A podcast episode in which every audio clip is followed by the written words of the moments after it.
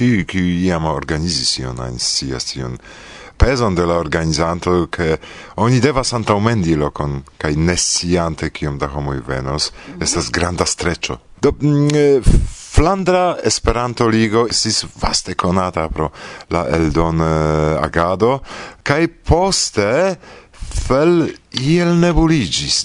Ĉu tio signifas ke fel havas malpli da energio au simple pandemio causis che pri la libro in estas tiel kiel iam.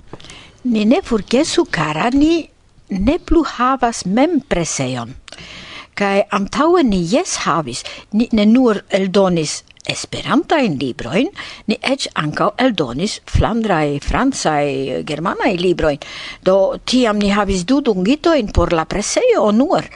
Do gis in tio tempo ni havis gis dec dungitoi. Nun ni havas unu.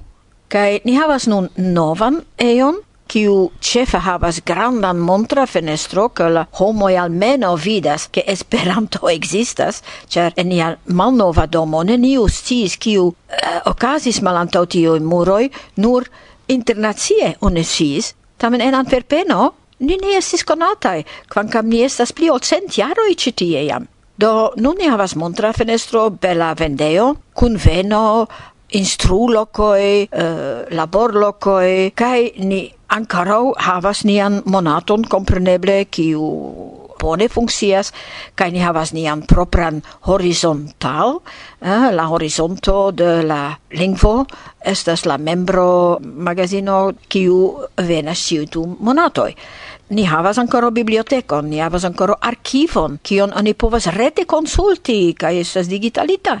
Do, ni jes evoluas al moderna tempo, cer ni havas la retbutikon nun, kie oni povas ankaŭ mendi mondvaste, kaj tiu ege bone funkcias, kaj Ni havas uh, e libroin, do tiui digitalai libroi, se vi ne plu volas avi la paperain, exemple. Ni es evoluas, tamen ni devas nove reconstrui, cer kial mi diras iam pli ol dudek jaroj vi scias, mi staras antaŭ la junuloj, por mi infanoj ca junuloi estas ege gravai se ni volas havi estontecon, cine? Do ni altiras junuloin anco citie por volonte labori. Ni havas nun eh, la denasculo Thomas eh, de Meire, kiu volontulas ceni en la Esperanto domo du, du tagoi semaine. Do imago tio estas jam gaino, quancam ni estas ancora en la pandemio, cine? Do mi pensas kiam oni elturnigas de tiu pandemio, mi daurigos instigi ce ciui hoc cluboi, por ciu ni estas la cupolon, ce ne, che ili pli altiras junuloi. Imagu la lasan semainon ec lerneo demandis nin, ciu ni bonvolus doni ion lecionon en Esperanto, char la infanoi mem demandis pri tio. Do, tio aferoi donas al mia la impreson che ni ne mortas, ne? Ni denove estos kiel fenixoi vi sias ke Fenixo ankaŭ estas eldonita en fel eh, cae forsendita el fel por la nederlandanoi. Do poste ni havas la scoltoi, kai poste eh, cia mi ciam ecas cun la plei mal iunai, ce Greziono en iico, eh, mi donas tiun nomatan mazi curson, kiu estas eh, compreneble knuflo curso, Mi estas jam tut monde, kie la knuflo lino, ne? Vi vides mi to toĉemizon, mi havas sen pago in bracumoin, kiuj estas tiel koraj, ke ili nomigas knufloi, ĉu ne? Do mi vere esperas, che mi povas daurigi instigi tio in cluboin, instigi lerneoin, almeno conatigi con ia lingvo. Mi audis de nia cara Lu Wunsch von eh, Roshofer, ke oni almena audu, kai havu ion sperton antau kiam oni volas mem esti instruita pri tio. Mi havas lernejojn kiuj invitas min daŭre dum ĉiu jaro por doni nur rapid kurso. Mi ŝategas fari tion. If ŝatas fari tion. Bar ŝatas fari tion. Jam pli kaj pli da homoj ĉe ni de la mes agio kion mi diras char mi am estas oldulino ĉu ne mi jam preskaŭ sepdekas. Do ok eh, uh, tam se ni havas tiun mes agio kiu vere volas jam visiti ion lerneoin kiu jes ekis mem kiel junuloi kai kiam la naskuloj volas jam doni tiun eh, uh, lecionoi kai cursoi tiel plu kai kiam oni metas min sur io afficio che mi venas, venas infanoi, tia mi fieras, kaj tia mi havas esperon, kai Ni neniam perdu esperon. Ni ne rajtas, ni estas ja esperantistoj, ĉu ne? Yes, yes, yes, yes, vi pravas, kai oni devas uh, havi uh, rigardon al tio, kio okazas en la junulara mondo, kai adaptigi al la mondo, char nia mondo estis iom alia, se temas pri realeco de la esperantista agado, ĉu ne? Sed unu horon antaŭe dub kiam ni kune matenmanĝis, vi menciis pri tre interesa al mi ideo labori ekstere pri konsilado che la trajnoj funkcieble vi clarigo pri che io tema yes. mi si sub granda impreso ke esperantistoj preni sur sin suffice respondesan aferon. Yes, cara, tio estes projekto de Europa mem. Nomigas uh, eh, Erasmus Plus projekto, mm Kai vi siu ke ni ciu jaro havas projektojn kiu ni proponas al Europo tamen tiu ci foje ni estas tiel feliĉaj ke ili akceptis kai eĉ donas monon por fari tion. dauras dum du jaroj kaj la venonta jaro estas la jaro de la trajnoj en Europo oni volas malpli malpurigi nian mondon, ĉar ni venas ĉi tie vere al katastrofo. Do oni volas ke Se vi estas en Europa kaj restas en Europa, uzu la trajnoj, busoj, bicikloj, ĉion ajn surterajn aferojn kaj ne flugu tiam, ĉi ne? Yes, se vi devas nur esti unu tago ie, ha, kai vi perdas tri tago in poriri, kai tri tago por reveni tiu ne indas, no? Tam se ni mem jam organizas en Esperantujo afero in kiu dauras pli ol unu tago, eh, almeno tri, kvar, kvin tagoi tiam indas veni traine. Tamen por fari tion oni devas adapti alla demandoj de la publico char trajnoj estas tro multkoste. bicicle ne ciui voioi estas eh, uh, securai, busoi, ec en nia urbo, ili ne estas tiel fideblai, do vi devas avi iun tutan voyage et bledson che vi povas heme foriri, kai alveni je pageblan kai fareblan eblecoin. Do tiun combinon ni volas en uh, du jaroin proponi al Europa che ni trovis almeno proponoin kiel solvi tion problemoin, kai mi estas tute convencita che se la traino estas pageblai, kai la buso estas pli fideblai, kai la voioi por biciclo estas pli securai, kai pli rectai tiel plu, la estontezai homoi usos.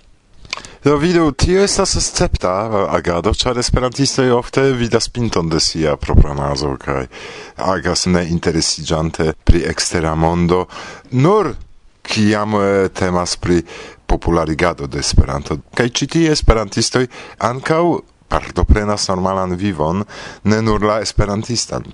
Do, eh, ĉu vi deziras ion mesaĝi aldoni al la esperantistoj de la tuta mondo? vi estas esperantisto, vi ne plu rajtas perdi la esperon, vi devas agadi. Nepre ni salutas eh, ĉiujn uh, esperantiste en la mondo de la Flandra Esperanto Ligo ĉi tie, ĉu? Kompreneble, saluton al ĉiuj kaj knufloj! kaj de Varsovia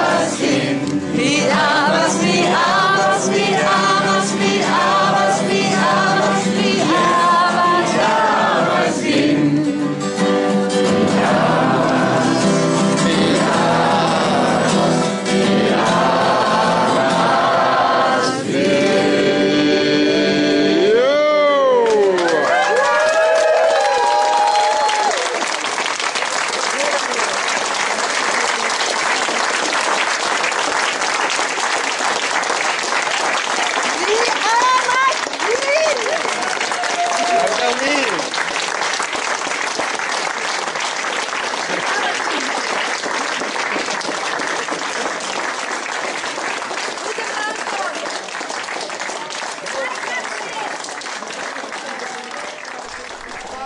Dum kiam nun senĉese oni parolas pri la klimataj ŝanĝoj kaj serĉado de solvoj laŭ multaj ideoj uzi alternativajn fontojn de energio ol la kutimaj, gaso Ne multe costa kaj relative ekologia ilo pli kaj pli evidentigas ne nur la ekonomia varo, sed ankaŭ la politika ilo imagu. Mi, kiu krom la elektra bezonas ankaŭ la gasan energion hejme, ne nur por kuiri, sed ankaŭ por plivarmigi la kranan akvon en mia domo, kaj eble ankaŭ rilate al la grava kresko de la gasoprezoj laste, tuj mi rimarkis unu el la ĉefaj artikoloj de la februara monato, crianta laute ec el la covrilo. Naturgaso, ciu diplomatia ilo de politica premo? Hmm. Julius Hauser, la slovaka korespondanto de Monato, Clarigas. Europo en la jusa pasinteco spertis severa in economia in sekvoin de la krizo pro interrompo de gas liveradoi de unu el siai cefai liverantoi Rusio. En tiu ci contexto aperis en diplomatia lingvo novai facai terminoi kiel gasa diplomatio, gasa konflikto, gasa krizo, gasa milito, kotopo. Kelkaj eksterlandaj ministerioj eĉ kreis specialajn postenojn de ambasadoroj respondecaj nur pri energidiplomatio. Disputoj kun Ukrainio, la ĉefa kialo de la gaskrizoj, kiuj causas vastan damagion al economioj de la membrolandoj de Europa Unuiĝo, kuŝas en la rusaj ukrainaj ekonomiaj disputoj ekde 1991, kiam Ukrainio akiris sendependecon post la disfalo de Sovetio. Ekde tiam prescau ciu jare ec aperadas kvereloj inter Rusio kai Ukrainio. Dum la unua estis en 2006, la plei crita gasa criso estis tamen en 2009. La Eŭropuniaj Landoi, cae la plejparto de Balkanio igis ostagioi de disputo inter la du orientai landoi pri la prezoi, cae la liverado de gaso. La criso, quancam forbenita iam post du semainoi, igis cefa cialo por la planado cae effectivigo de diversai alternativai proiectoi de gasoductoi al cae ene de Europo. Hmm. La enconduco al la articolo shaine clarigas multon, sed ne cion compreneble. Tamen, cion tute mi sciis, la problemoi kun gaso ne venas nur de la orienta fonto. La aliain en articolo Czu Afrika i problemoj influos Iberion? Scribas Chabi Alcalde, correspondanto de Monato en Barcelono. Auscultu. Septembre 2021 Algerio fermis sian aerospacon al la Maroka aviado kai oktobre giblogis blokis la gasodukton Magreb Europo, kiu liveris ekde 1996 naturgason al Hispanio kaj Portugalio tra Maroko. Tio okazas fone de la malbonigiantai rilatoi inter la du landoi. La decido de la Algeria registaro havis tuia in consequenzoin. Unue, la hispana ministro pri exterai aferoi Jose Manuel Albares voyagis al Algerio por certigi la dauran liveradon de naturgaso al Hispanio. Sia flanke, Maroko petis Hispanion inversigi la liveradon, sed ricevis rifuzon. Madrido en la nuna situacio ne povas exporti. Ambau landoi antau vidis malfacilan vintron pro la manco de naturgaso cae la crescantai prezoi. La afero farigis grava en politicae rondoi, cae ancau, lau la publica opinio en la Europa lando. Compreneble, la februara eldono de monato ne presentas nur la gasan temaron.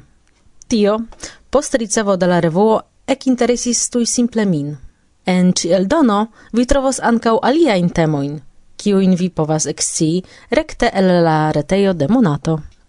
Do mi comencis legi la nunan eldonon, ne tui mi tion faros compreneble, ancau pri la aliai aferoi mi occupigas. Set, Monato fakte estas monata, do ancorau iom da tempo mi havas gis la marta numero. Kion diri fine? Ek interesidu pri Monato ciui necessai ligiloi en la prescribo, kaj se ancora vi ne igis abonanto de la revuo, kaj gin neniam vi vidis, petu almenau la senpagan exempleron por orientigi pri kio temas. Nome de Varsovia Vento mi salutas core la redaktoroin kaj korespondantoin de Monato kaj vin ĉiuj niajn karajn aŭskultantojn. Agnieszka.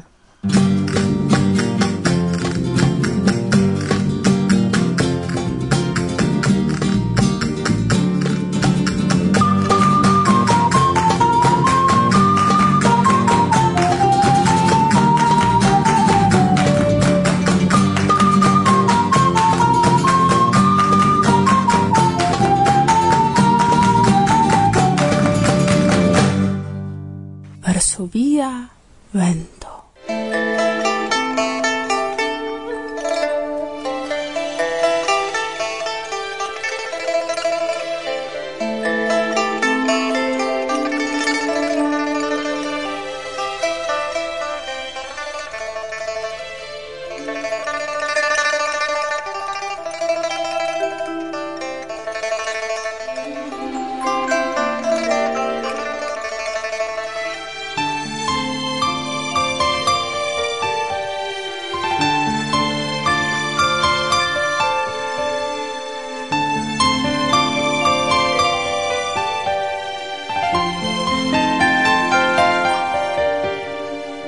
Rus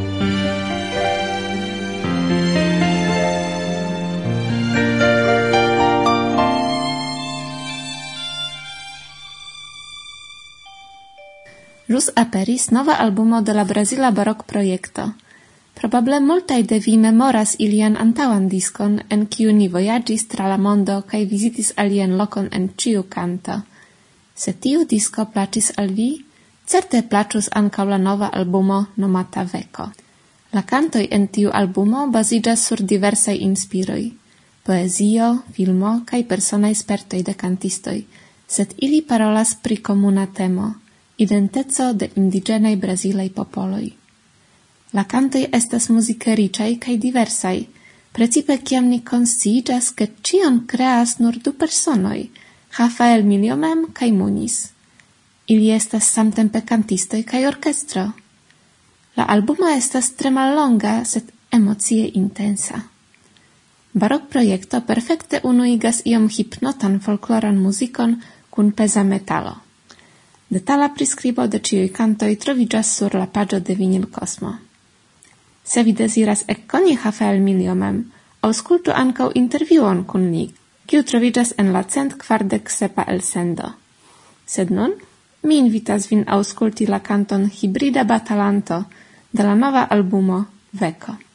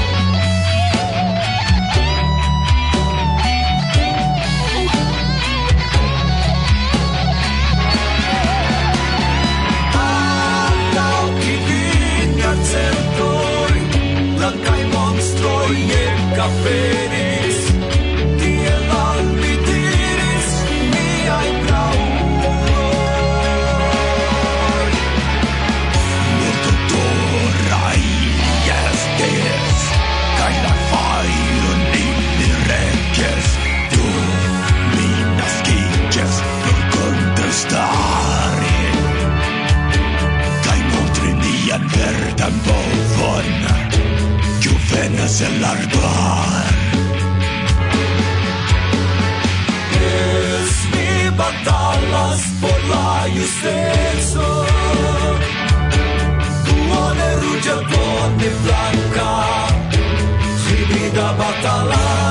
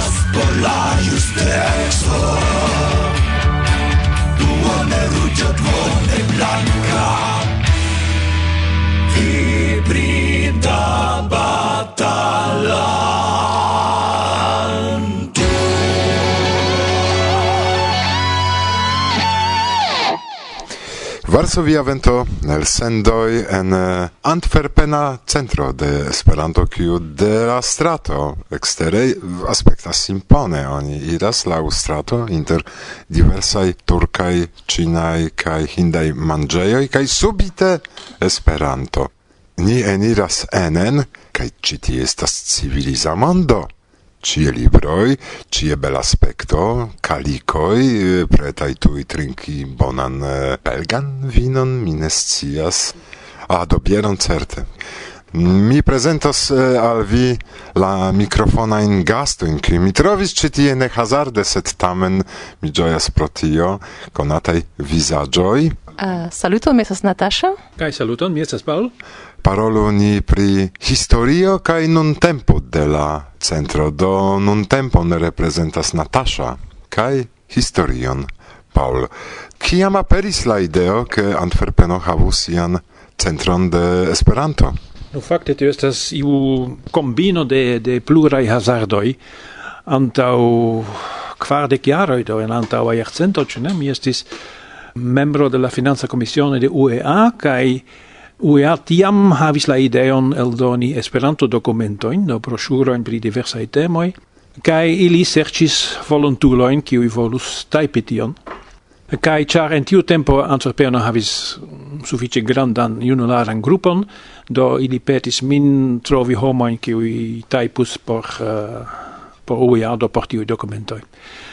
Tio okazus en mia privata domo, tiam fakte la privata domo de mia gepatroj, Eh, uh, kai in la comenzo tu estis tute bona, sed post iom da tempo mia gepatroi pensi diable, ĉu ne? Do lo ciu vespere venes iu alia tie ci por taipi en nia ca in do mi diris al alueat, io ne plu eblas, ĉu ne ni devas trovi alian solvon. Kai tiam la tiama presidente de UEA, Gregor Martens, trovis eion en Antwerpeno, uh, suffice compareblan kun tiu ĉi, sed la rivero en Arsenalstrat, kai do tie ekestis unua malgranda centro en kiu do unu au du homoj venis por labori. se tiu laboro grandigis, kai grandigis, kai grandigis, kai post iom da tempo oni au aŭ li liferis al ni pli bonan ne plu tajpmaŝinon, sed kompostmaŝinon, kai do iom post iom tie kreskis iu grafika laborejo por prislaboroj por UEA. kai tiam alia hazardo fakte En Antwerpeno eclogis Torben Kelet de la firmao Tocostafeto, eble conata al, al kelka intervi, kaj li havis brokantan presmaŝinon. Kaj li diris, no, vi jam havas tiujn en kiel vi ankaŭ ne havu presmaŝinon, ĉu ne? Kaj do bone, tiel farita, do anca la centro ekhavis presmaŝinon kaj tiel plu, kaj tiel do iom post iom vere grandigis tiu centro. Poste ni denove translocicis al Frank Recle, tu estis impona avenuo en la centro de la urbo, cae ancora mi iam iam nostalgias fakte al tiu tempo ĉu ne? Ĉar estis la malo de tiu ĉi strato ĉu ne? Estis pompa avenuo kun arboj kaj tiel plu do tute ne komparebla kun tio ĉi. Sed iam denove changigio venis ĉar post iam da tempo UEA diris nuia tiu domena cerpeno, ĉu ne, ni hapeno havas premon sur ĝi, ĉu ne, ĝi ĉu tamen ni ne vendu ĝin.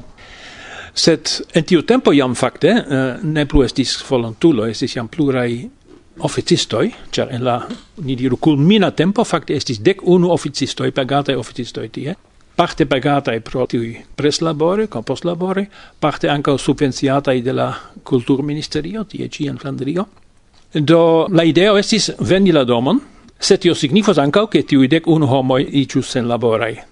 Kaj tiam la loka Esperanto-asocio Flandre Esperanto-Ligo intervenis kaj diris, nu, tion ne, ne povas fari, ĉar tiu preseo ne nur estis prestigia ene de la Esperanto movado, sed ankaŭ ene de Antwerpeno, ĉu ne? Imagu ke apud la Esperanto domo tiam estis iu friseo, frisisto, kaj tiu frizisto nomiĝis frisisto, ĉu ne?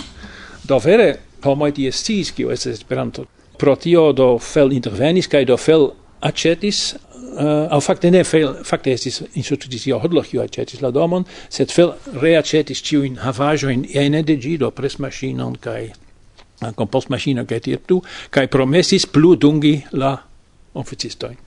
kai pro tio do la Esperanto domo venis en la manoi de flandre Esperanto Ligo. La lasta changigio estis do kvar jaroj pli mal pli ne? Tiam ankaŭ institucio Hotler diris, ke ili volas vendi la domon, tiu en tiu prestigia avenuo, kai la ideo estis, ke flandre Esperanto-Ligo aĉetu gin sed la costoi au la petita preso estis tro alta, do fel ne successis aceti gin. Kai pro tio oni trovis ion alian, kai tio estas la loco kie vi nun estas, malpli prestigia strato, sed tamen tre tre tauga loco, la mi, yes.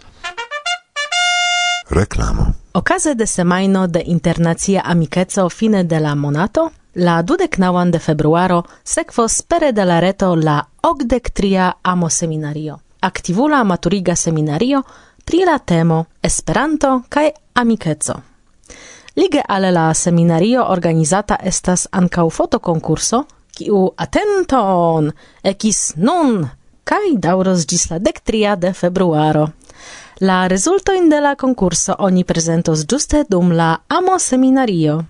Kiu dezirus partopreni la retan eventon, bonvolu aligi almenau du horoi antau la comenzo. Kai kiu desirus sendi la foton al la concurso, interesigiu tui, clacante al giusta ligilo en la prescribo. Verso via evento.